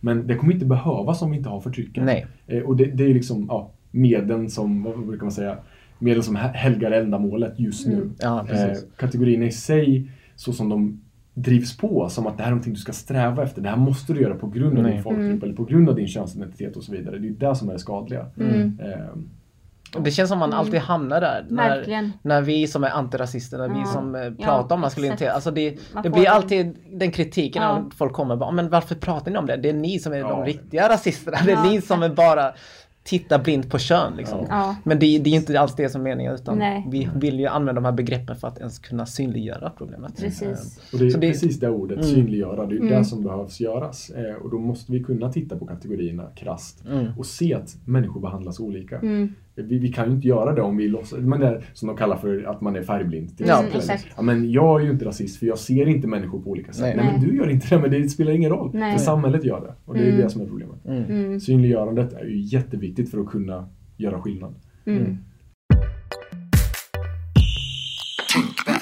Låt oss ta en lite mer lättsam fråga som jag vet Mm. att du har haft en Instagram-poll om och jag tyckte det var så otroligt roligt när du gjorde det. För jag tror att Okej. Det var att du letade, det var när du gjorde den här cykel... ehm, Mm. Ja. Och då så var det, jag tror det, men vår fråga i alla fall, kan inte du bara ge oss dina ro, bästa smeknamn du har blivit kallad någon gång? För jag minns att du tog, tog upp några smeknamn till din cykel eller någonting. Och, Just det, det var ju eh, precis vad ska vi kalla cykeln Ja som precis. jag- Ja, Men jag kan också tänka mig att du, eh, alltså jag menar nu, nu när man har namn som inte klingar sådär eh, Svensson, Johansson. Så kommer också många så här. Jag, jag kan ju fortfarande inte uttala ditt namn exempelvis. Jag säger Attila men det är. Attila. Attila, Ah! det stämmer. Och efternamnet är Sköldas, eller? Joldash. Joldash. Men jag, jag brukar Men- själv inte säga Joldash. Jag brukar Ja. alltid skriva med S för det, jag, Ja, det är en spe, speciell bokstav som finns i turkiskan. Det är som en sån Ja, här svans på Jag S. förstår. Och det är det Eh, som och eftersom att jag inte kan skriva den i alla sammanhang, eh, som i passet till exempel. Ah, ah, har jag det. ju ibl- ofta sagt Joldas. Mm. eh, som okay. Men det är ju slutet. Okej, jag visste det var någonting med efternamnet Ja. Det är bästa och sämsta smeknamn du har fått. jag har kallat så jävla mycket. Jag vet inte hur många gånger jag har blivit kallad Matilda. Sa du- Matilda? Matilda? Heter du Matilda? Jättekul brorsan. Jätte- Men gud. Eh, men så, det, det finns så många varianter. Eh, många säger Atilda. Eh, eh, Tilda. Eh, Alltså det finns så jäkla många varianter. Min, min syster brukar kalla mig Åsna. Det finns, var... Jag brukar kalla henne Åsna. Ja. Så det, eh, gud, ja men det är högt och lågt. Alltså, det finns ju hur mycket som helst. Ett, ett vanligt turkiskt smeknamn på Ja. mitt namn är ju Ati. Atti. Eh, men det brukar jag inte höra i Sverige. Liksom. Det var fint. ATI bara. Ja, Atti. Okej. Eh, tror ni det? Atilosh brukar min mamma säga. Atilosh. Eh, det är en massa olika sådana varianter. Det är fint. Fint. Okej Danne, vad ska vi ta med för sista fråga Men här? jag vill höra era smeknamn. Våra smeknamn. Alltså jag har ju haft, alltså min, mina två efternamn är ju också så här. De är ju skrivna på, för det första vi har ju en grej i familjen att mitt, jag har ju två efternamn. Mm. Dovland Herrera. Mm. Stavas med W men uttalas med enkel V. Så det är Dovland. lite sån. Mm. Dovland. Alltså Göteborg. Alltså verkligen Dovland. Ingen, men, men, Dovland. men, men det är ju med W. Så att jag menar, det- standard har ju varit download. Alltså det har varit Download. download. Och sen så i och med att Herrera är så likt here så är det download here. Mm. Till Pirate Bay. Det, är som, det har gått Oh my långt. God. Det har gått riktigt långt. You wouldn't steal a car.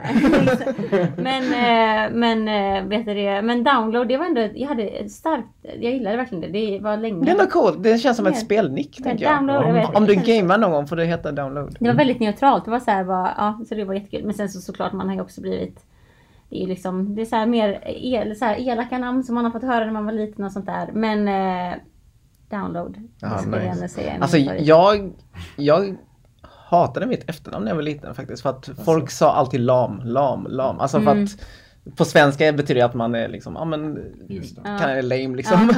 så det har alltid varit en sån grej att folk bara, ah, du är så lam, bla, bla. Ja. Och det är ju fortfarande folk som bara, haha, lam typ. Ja. Låg nivå liksom. Ja men verkligen Ja. och jag bara nej men eh, det uttalas lam och det är bla bla. Så det är alltid en sån grej du måste alltid förklara. Förklara, exakt.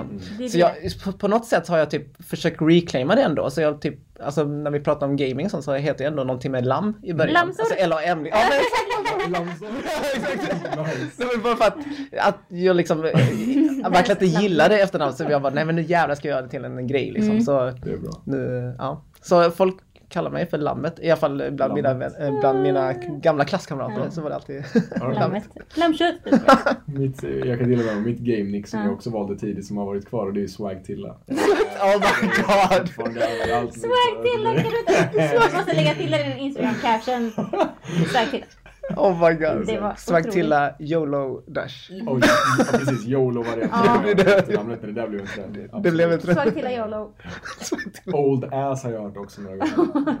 Eh, ja, det finns många, många varianter där. Nej men vi Ja. tittar rinner ut så jag tänkte att den sista frågan är eh, Vem Ja. tycker du att vi borde ha med i nästa gästavsnitt? Åh, Mm. Oj, vilken grej. är det? Ni, ni, nu kanske ni redan har massa planer. Jag kanske bara droppar saker som... Det var, det var Nej, önska på för då kan vi använda det som argument sen. Bara, Okej, äh, Attila sa det här. Dash. Attila. Okej, jag ska byta namn på Insta. Eh, Okej, jag, jag väljer eh, en människa som jag ser upp till, Mm. som jag tycker är klockren eh, och som skulle vara jätteintressant att höra mer av i ett sånt här djupgående samtal kring de här frågorna. Och det är. Tone Sekelius. Oh, Drömpersonen. I love her. Ja men. Hon, Ja. Det hade varit jättekul att höra henne prata mer om Mm. just jämlikhetsfrågor. Mm. Verkligen. fan vad Kul. Vi ja. får kolla upp henne. Om du lyssnar. Varför lät det där så Jag sexuellt? vet inte. Maybe I was... Nu, jag där försvann eh, chansen att ens ha Tone. Vi är 30 år här snart allihopa så att det, det ska... Nej men Attila, tack så jätte, jätte, jättemycket att du ville vara med oss. Ja. Och ha det här samtalet. Tusen tack. Det, vi och Danny säger alltid att det är så kul. Alltså, podden är så på en personlig plan. Det är så himla Mm. skönt att bara få mötas. Och bara prata om sådana Mm. grejer som är så himla viktigt. Och det var så himla kul att få att höra det. och Prata med dig och få höra dina tankar. Och det, jag känner mig alltid riktigt inspirerad och upplyft. Och eh, som att jag lärt mig något nytt efter varje Mm. gång. jag pratar. Verkligen. Så, fan vad nice. Tack Så följ Attila Joldash Ja, svag på. Instagram. Faktiskt. Attila Joldash. Och jag, jag, vi avslutar på den här noten då. Vi är bara 29. Mm. vi är bara 29! Vi är inte ens 29. Nej, nej, jag vet, jag är inte 29. Nej, exakt varför pratar vi om 30? Oh my God.